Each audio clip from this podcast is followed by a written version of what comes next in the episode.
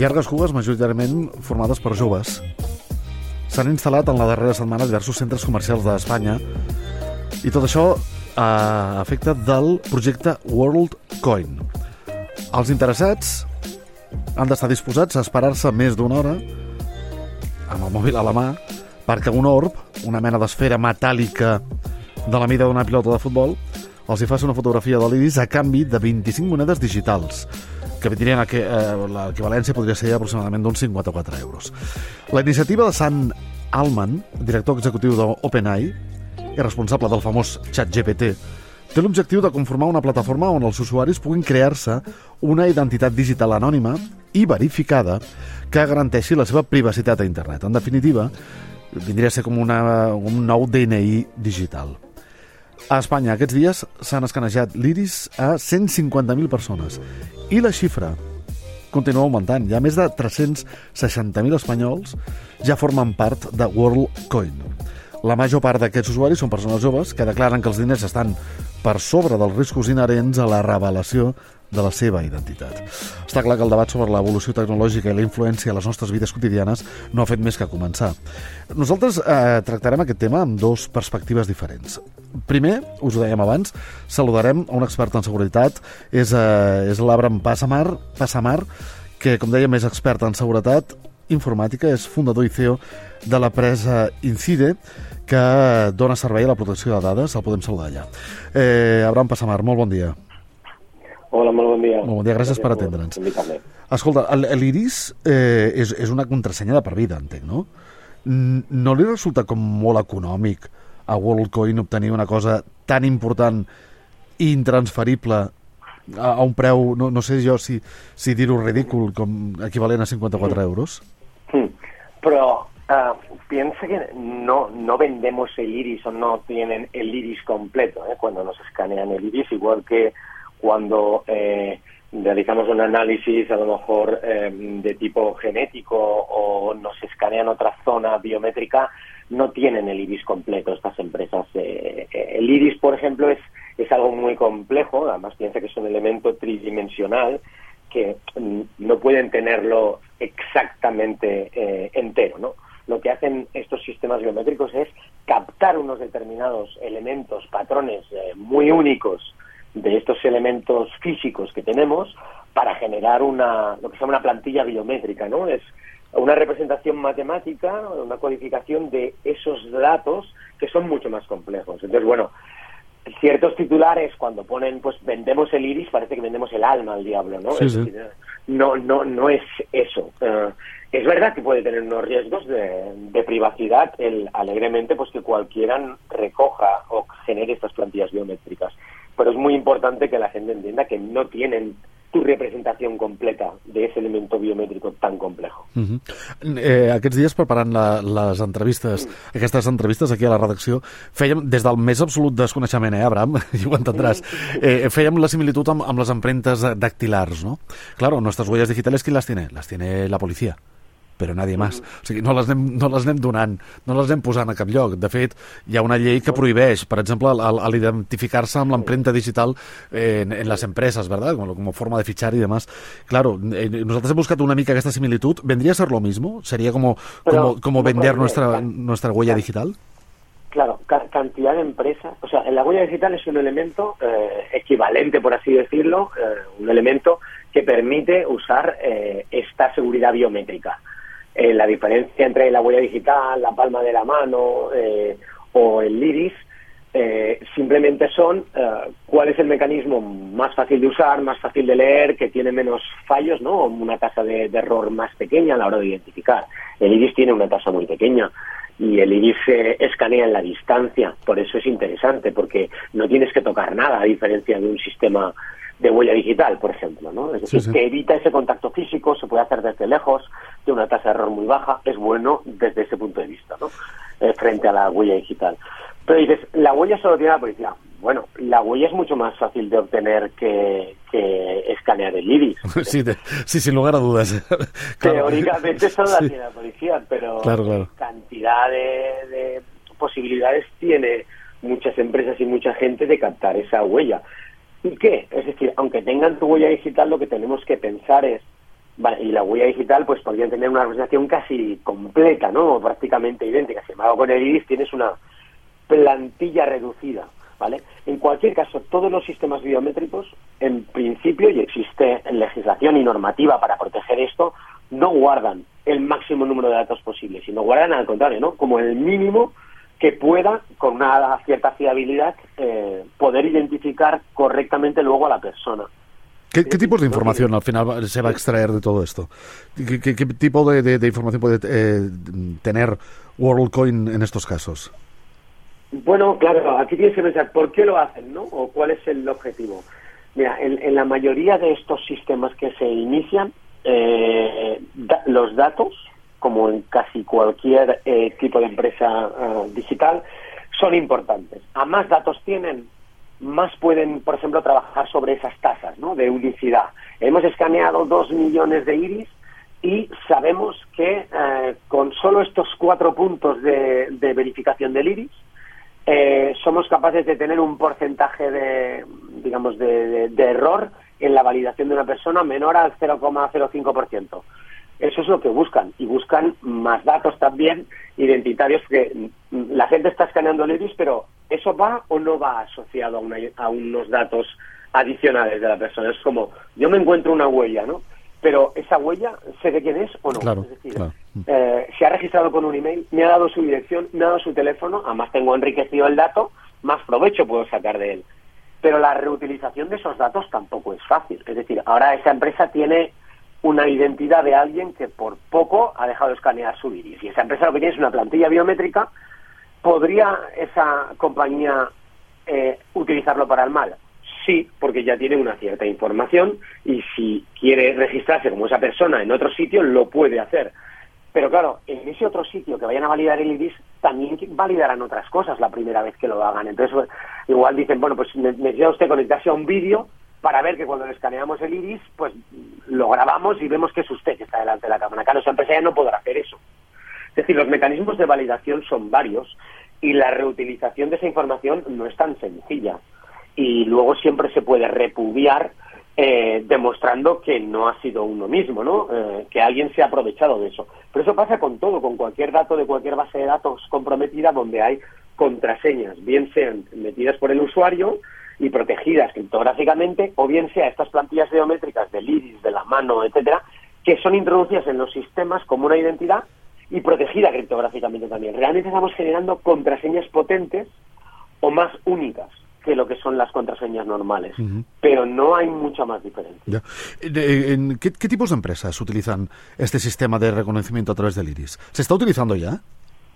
Sí, lo que pasa es que, bueno, no es tan común como otros eh, que podemos ver en el día a día de la industria, ¿no? Pero piensa que, por ejemplo, Apple está utilizando la cara, ¿no? Eh, y ha conseguido unas tasas de error bastante bajas. Si, si lo habéis probado, el Face ID, que es algo que pues, poca gente puede hacer con eso. El iris aún es más preciso, es decir, consigue unas fiabilidades de, muy altas, ¿no? Entonces, en determinados entornos eh, donde la, digamos, el nivel de seguridad se considera muy alto, pues se escanea el iris. Eh, en vez de la huella digital, la voz o la palma de la mano, ¿no? Eh, es un mecanismo que se utiliza en determinados entornos pues, militares o, de determinado nivel de acceso, ¿no? Pero es rápido también de escanear y se puede hacer desde una cierta distancia, con lo cual, aunque pueda ser más caro, en esos entornos pues se utiliza. Pero todos estos sistemas son similares. Lo hemos visto en tantas películas ya, ¿verdad? Que, Bueno, sí, porque lo vemos asociado a eso y también la voz, pero por ejemplo la voz eh, no es tan no es tan eficaz o tan precisa, ¿no? Porque la voz en un entorno menos controlado de ruido puede tener unas tasas de error más elevadas que, que el iris. Es simplemente porque el iris, igual que la huella digital, es muy único, pero el iris aún es más único porque tiene más patrones la, la huella digital es verdad que es muy única, eh, pero bueno, tiene menos elementos eh, de complejidad para poder eh, generar un patrón muy único. Mm. Y piensa que hasta los gemelos, por ejemplo, tienen el iris diferente y la y la el ojo izquierdo y derecho de cada persona también es diferente. Entonces es un, patrón muy único y muy, complejo. Muy marcado. Eh, déjame preguntarte para, para finalizar, Lo, decía yo al, al, inicio de, de l'entrevista, deia que el debat sobre l'evolució de la tecnològica i la influència sí. a les nostres vides només ha fet que començar. Yo creo que hablaremos largo y tendido, claro. porque esto yo creo que es tan solo un inicio. Eh, para aquellas personas que a lo mejor nos estén escuchando y, y, y les han fotografiado el iris, eh, ¿pueden estar tranquilas? ¿Qué, sí, qué, pero... ¿Qué les dirías ahora, por ejemplo? Sí, en el sentido que, bueno, te han hecho una fotografía que puede ser con una cierta precisión del iris y de allí pueden sacar estas plantillas y podrían llegar, quien posea eso, podría llegar a utilizarlo si quisiese hacer el mal en un ataque de, eh, digamos, de reutilización de esa contraseña que se ha generado con ese iris en algún otro sitio en el que tú te hayas registrado con el iris. Por tanto, gratuitamente no. Es decir, intenta limitar esa información de escanear el iris, la huella, la palma de la mano o la voz a sitios de confianza donde, y, donde sepas que se va a, a custodiar relativamente bien. Yeah. Está la ley de protección de datos que ya protege esto. ¿eh? Para eso están otros tantos estándares que nos, nos protegen o nos ayudan a que la gente no reutilice mal esto, pero que tampoco eh, parezca como, oh Dios mío, me han escaneado el iris y voy a perder mi identidad digital para siempre. Eh, eh, eh, estoy seguro que ahora habrá, habrá cientos de personas que estarán pensando en este momento, pero Abraham se, se haría una foto del iris. ¿Tú lo harías o no? sí, igual que me he hecho un análisis genético, pero con cuidado, es decir, no en cualquier sitio. Es decir, sé los riesgos y los beneficios que tiene eh, y no voy a ir escaneándome el iris en cualquier cámara que me encuentre por ahí pero me miraré por qué quieren escanear ese iris y si va a servir para mí para, para poder acceder con una mayor fiabilidad y con mayor seguridad en ese sitio. La ventaja es no tienes que ir recordando contraseñas, ¿no? Todo sistema biométrico, que no lo hemos dicho, pero tiene, tiene ventajas también. Y pensar que no, no tienen ese elemento idéntico y tan eh, importante de tu cuerpo. Tienen una fotografía de alta definición o una pequeña representación de los datos de patrón que tiene ese iris y lo transforman en, un, en una codificación, en unos números, para poder luego verificar cada vez que te escaneas el iris que es ese o no es ese. Pero eso no quiere decir que puedan eh, hacer con esa información eh, grandes eh, suplantaciones. Pueden hacer intentos de ataque, vectores de ataque, pero no son enormes. Eh, porque hay más controles, vale. hay más sistemas en paralelo de control. Mira, vamos a ir a la otra parte, vamos, vamos a hablar de todo esta evolución, eh, a, pero a través de la uh -huh. filosofía. Abraham Pasamar, experta en seguretat informàtica i fundador i CEO d'Incident. Moltíssimes gràcies, gràcies, de verdad. Molt bé, gràcies. Gràcies, molt bon dia. Saludem ara a Francesc Núñez, és doctor en Sociologia i filòsof i professor de la Universitat, Universitat Oberta de Catalunya. Eh, senyor Núñez, molt bon dia. Molt, bon dia, molt bon dia. Estava escoltant amb atenció. És apassionant el tema, eh? I dona la sensació que l'evolució de la tecnologia és tan ràpida que la societat no som capaços d'assimilar-la tan ràpid als canvis, no? Costa molt això, domesticar-les, a mi m'agrada aquest terme, no? Introduir-les en el món quotidià. Va massa de pressa, estem una mica fascinats i, i enganyats també en part per la innovació, no? per la necessitat d'anar d'evolucionar de pressa, d'anar innovant, d'anar incorporant noves això, tecnologies i noves maneres de fer, que estem una mica estabornits. Absolutament, però és que teníem, teníem dades, aquesta, eh, hem conegut aquesta setmana que un 1% de la població espanyola, un 1%, d'acord, és molt poc, un 1% és molt poc, però eh, prou significatiu, jo crec, eh? ja han donat les seves dades biomètriques del seu iris. O sigui, estem parlant de, de 3 milions i mig de persones a tot el món a canvi d'uns pocs euros. Paquem d'accés de confiança amb la tecnologia? Sí, som presentistes els humans, perquè vivim en el moment i la circumstància pesa molt a la vida humana, eh? Poca gent, sí, estudiem, de vegades fem coses pensant en els fills, en el futur dels fills, però a l'hora de la veritat ens venem com aquell, no? El seu regne per un plat de lentilles. I això és molt humà, és molt humà. En un moment donat, en una circumstància, té un pes que una arruïna la seva vida o arruïna un futur de vegades prometedor, no? Mm. Perquè no som conscients de, és molt difícil representar-te, imaginar-te les conseqüències que pot tenir uns actes que estàs fent en aquell moment i que en aquell moment et satisfan. Ara, pues, es pot ser divertit fer això, et donen unes bitcoins, tens uns diners, no ets conscient, ningú és conscient eh, de, de la, de, de la transcendència o del, del que realment pot passar, que tampoc està clar. Ja Com que això, a més a més, no està clar, de vegades està clar que fumar, beure en excés, produirà càncer o fins i tot la mort, i ho fem. Imagina't, doncs, amb una cosa sí, sí, que, tot, no està clar que pugui ser Té tota la raó. Eh, pensem o relacionem de forma molt directa les noves generacions amb la tecnologia. Eh, creus que, que, que els hi planteja riscos? Riscos els, els que puguin tenir, no sé, els que també en el seu moment podia tenir per exemple, la, la, privacitat... la màquina de vapor... Ja, o, o la privacitat, per exemple, no? Que ara, ara per exemple, la, la, la privacitat sembla que hagi deixat de ser un valor, un valor a la societat actual. Eh, eh, eh, sí, és, me, és més... Eh, estem més abocats a aquests espais tecnològics o digitals que ben bé no sabem on està els límits de lo privat i lo públic. I, I com que lo digital està en una òrbita, per dir una dimensió diferent de la teva corporalitat, no és conscient que aquest espai digital no només és públic, no només es pot vendre, no només el poden comprar, sinó que, a més a més, que això és molt important, és indeleble. és molt difícil que desaparegui. Totes les petjades, per dir-ho així, els iris, igual les teves històries vitals que vas penjant en aquest espai, per més que et prometen que podràs esborrar, que hi haurà un dret a l'oblit, allà està, i segurament hi pot estar pels, pels segles dels segles. D'aquí 40 anys a lo millor diuen, no, és que tu mira, durant entre els 18 i els 30 vas comprar una botella de whisky cada dia sí, sí, sí, sí. Bravo, o no sé, hores, sí, sí. igual, no? Sí, però és que ah, ja estava, estava pensant... Recordo. Sí, però estava pensant, sí, precisament amb aquest exemple que, que, que acaba de donar, és que és un exemple, jo, jo el trobo sensacional. O sigui, jo del supermercat al que vaig a comprar gairebé cada dia, dia sí dia no, de, per de, de poder-me eh, eh, beneficiar d'algunes ofertes, m'he hagut de fer la, la targeta, que que és... D'un sentiment. Exacte, que és una aplicació, i a les targetes són aplicacions al mòbil, que cada vegada que passo per aquella caixa haig d'obrir l'aplicació, m'escanegen un codi QR i m'apliquen les ofertes. Clar, amb tot això saben perfectament què compro cada dia. Sí, durant tota la vida, que ho sabran, eh, segurament hi haurà, i es parla no, d'una identitat digital, no? si es poguessin ajuntar totes les dates de cada un que haurà i que, que es posarà algun dia, no?, les big dates aquestes a la xarxa, sabran moltíssimes coses de nosaltres mateixos, el que ha estat el nostre passat, la nostra evolució, totes les enfermedats que hem tingut o que hem deixat de tenir, d'on ens hem mogut, la, els països on hem visitat, els, els, els diners que hem gastat aquí i allà, tot això ho saben.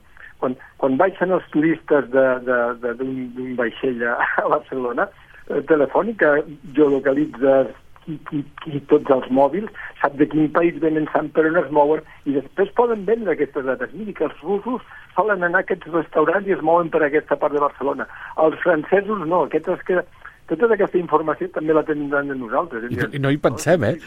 és que, clar, en tot això no, no, parem, no parem prou atenció, no, no hi pensem en tot això que s'està no, explicant. No, exacte, ah? no, es mou en una esfera de realitat, perquè també és real, eh? No? Compte, eh? No, no, no és una esfera irreal, en la que no hi estem, el nostre cos no hi és, les nostres emocions no hi són, no ens n'adonem de totes la, el poder o les conseqüències que pot tenir això. Deixi'm, deixi'm preguntar-li ja per, per finalitzar, perquè ens pa passaríem hores i hores. Eh, hem, hem parlat de la, de la irrupció de la intel·ligència artificial, una eina que ja està canviant la vida de, de molta gent. L'altre dia et deien, no, no puc, puc dir el pecat, eh, no diré el pecador ni diré tampoc, eh, perquè és un off the record absolut, em consta, sé, i em consta que amb un importantíssim mitjà de comunicació han obligat a tots els periodistes que hi treballen a fer cursos eh, d'intel·ligència artificial. Els han obligat, obligació. Si no fas el curs d'intel·ligència artificial, agafes les teves coses i marxes. A periodistes. Mm. Vull dir que amb això ja, ja veiem per on va una mica tot el tema del, del futur laboral i, i, el, i el futur vital, aleshores, de moltes persones. El que li volia demanar, d'aquí dues dècades, eh? imaginem d'aquí 20 anys, eh, com, com, com ens hem d'imaginar la societat? Molt diferent a l'actual o no? És molt difícil de predir. Sempre, l'única predicció que pots fer és que t'equivocaràs si la fas, no? Però és evident, mm, pensem fa 20 anys, jo quan estudiava, pensa tu segurament, no? com, com es vivia llavors internet, els mòbils no existien fa, quan jo era, era jove. No, anàvem a la biblioteca a buscar, a buscar, a buscar dades, anàvem a la biblioteca, sí.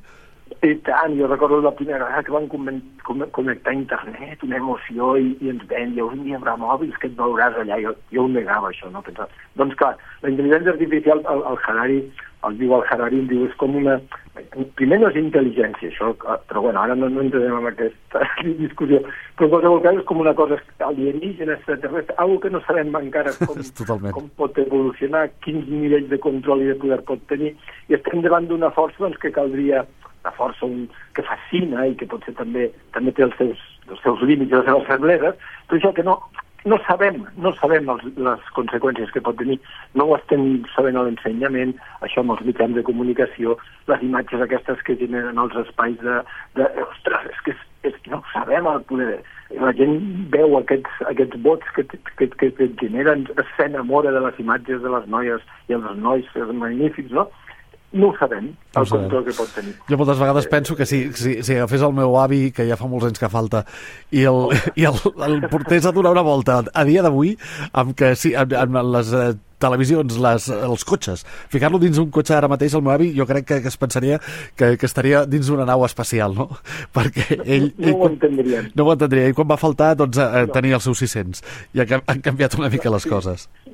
La, la meva àvia no tenia aigua corrent. Correcte.